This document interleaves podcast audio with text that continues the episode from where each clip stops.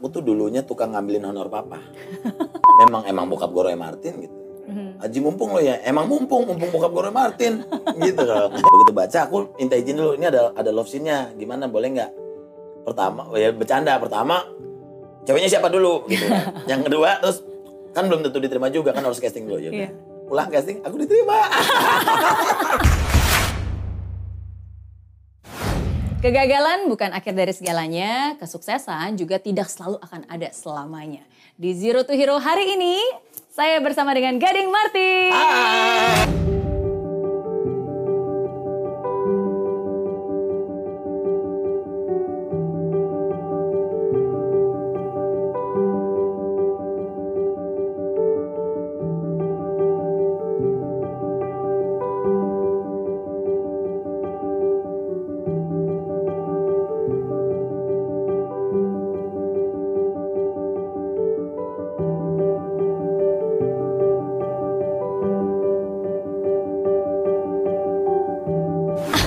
bener banget ya kata-kata pembuka yang sangat pamungkas sekali.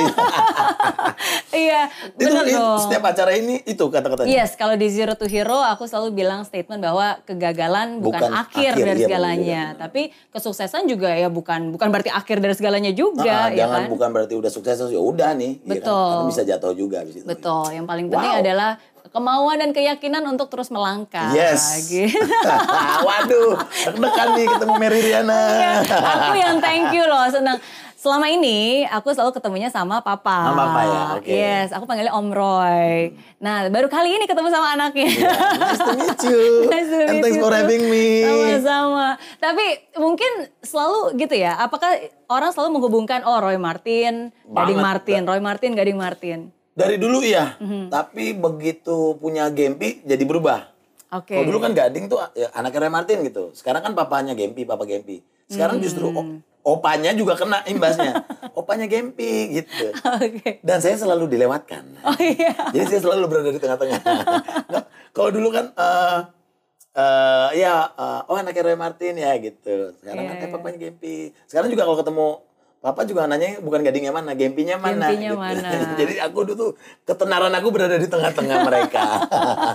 Tapi aku malah bersyukur punya mereka. Iya, tapi em, apa yang selalu dirasakan kalau misalnya ada orang yang oh anaknya Roy Martin ya gitu Iya. rasanya Oh bangga banget. bangga atau I am beban? proud, I am proud. Gitu ya? Hmm. Dari dulu proud banget. Jadi karena memang emang bokap gue Roy Martin gitu.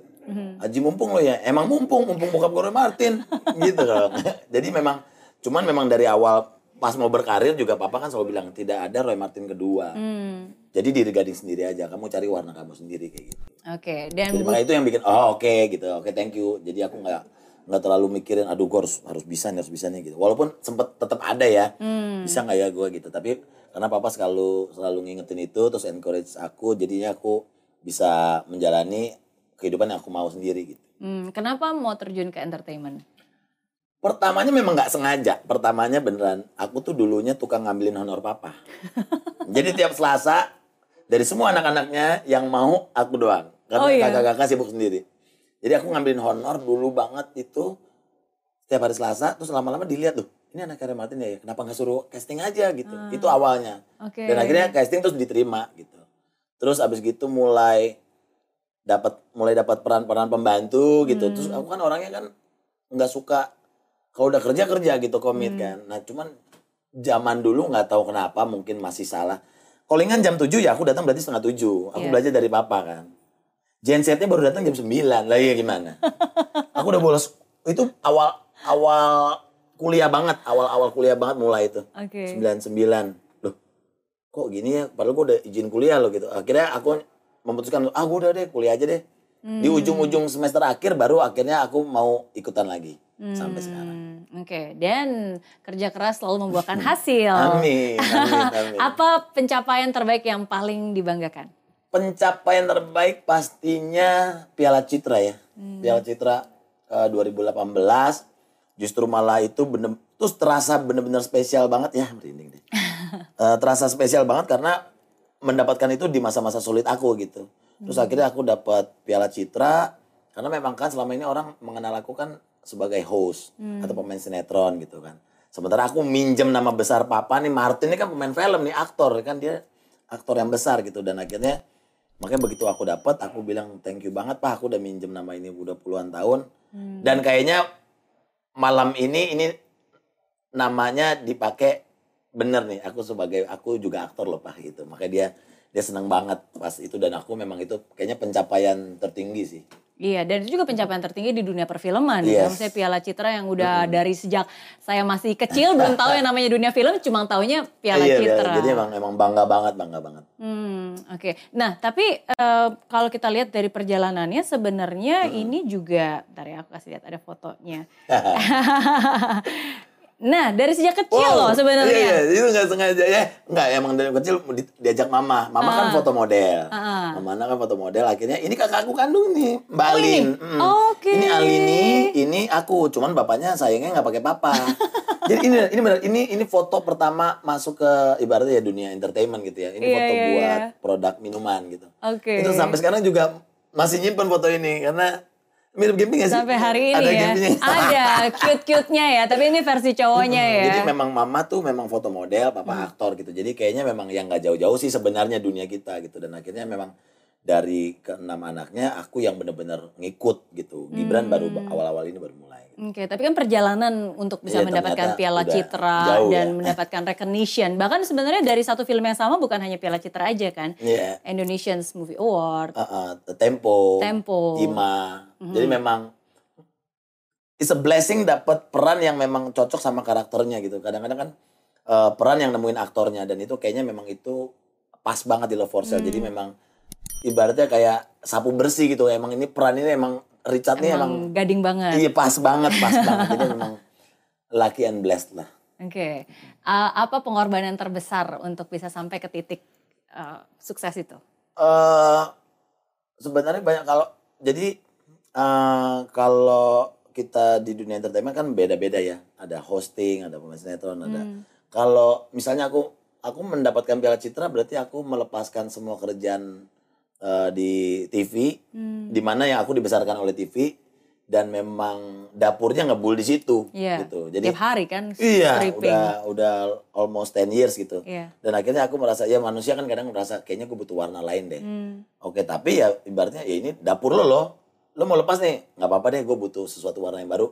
Itu aku lepas, aku dapat TV dan ternyata memang dibayar dengan hal yang lain. Gitu. Hmm.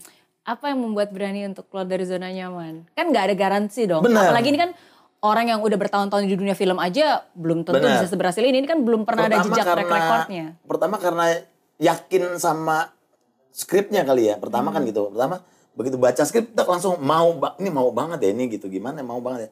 Eh, ding kita casting ya nggak apa-apa ya ya nggak apa-apa gitu karena casting itu kan bukan casting itu bukan mengecilkan seorang aktor loh. Hmm. Casting itu adalah menemukan peran yang pas buat aktornya gitu. Jadi Hmm. bahkan artis-artis di Hollywood juga untuk mendapatkan peran ini mereka melalui proses casting gitu. Kecuali ada beberapa yang memang uh, role modelnya memang kliennya maunya ini itu Iya. sisanya tapi mereka melalui casting. Jadi karena yakin memang uh, skripnya bagus, terus punya waktu untuk mengeksplor skrip itu, terus bekerja sama dengan orang-orang yang pas, kayaknya jadi memang pas banget. Hmm, oke. Nggak ada yang harus eh, dikorbankan banget-banget. eh yang harus dikorban ada dong. ada. Jadi ini skrip yang sangat Love for Sale ini kalau kita ngebahas Love for Sale, skrip ini adalah skrip yang sangat tidak umum di Indonesia. Ada love scene-nya di situ. Dan tidak mudah untuk orang Indonesia menerima hal itu atau kita mengerjakan hal itu kan. Terutama kalau misalnya kita aku ada di posisi waktu itu punya istri gitu kan. Iya. Jadi begitu baca aku minta izin dulu ini ada ada love scene-nya gimana boleh nggak? Pertama ya bercanda pertama ceweknya siapa dulu gitu kan. yang kedua terus kan belum tentu diterima juga kan harus casting dulu ya udah. Ulang casting aku diterima jadi sebenarnya mungkin mengorbankan perasaan yang nonton saat itu Tapi is, eh, itu profesional lah. Maksudnya iya. is, is a work. di bawah bendera keprofesional Di bawah bendera ke nah, tapi ya ya memang tidak mudah untuk untuk bisa ya mau total apa enggak Iya, sih jadi iya. seorang aktor kayak gitu Oke. harus kita harus kita harus bisa ya harus menerima besar hati ya tidak mudah juga dan tidak bisa semua orang untuk ngerti kok lo kerjanya gitu sih. Iya. jadi pasangan kita juga kita harus bersyukur kalau dia bisa nerima gitu. Kita balik datang lagi itu kan excited dong si psikolognya kan. Gimana? Udah nyoba lagi belum? Gitu. tapi kita datang itu dengan udah keputusan hmm, kita tetap mau pisah lah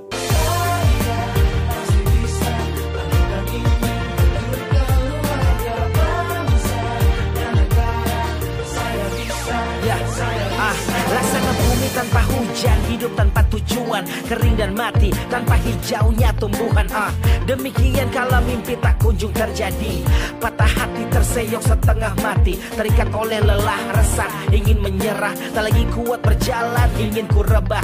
Ya, tunggu dulu kawan, ini belum akhir, semangat yang pulih akan mengubah takdir, kesempatan terbuka, nasib akan berubah, pedih dan sakit di saat ini kan terlupa. Ah, mulai sekarang ambil langkah dan berpacu, awal pelan dengan tekad pastikan maju.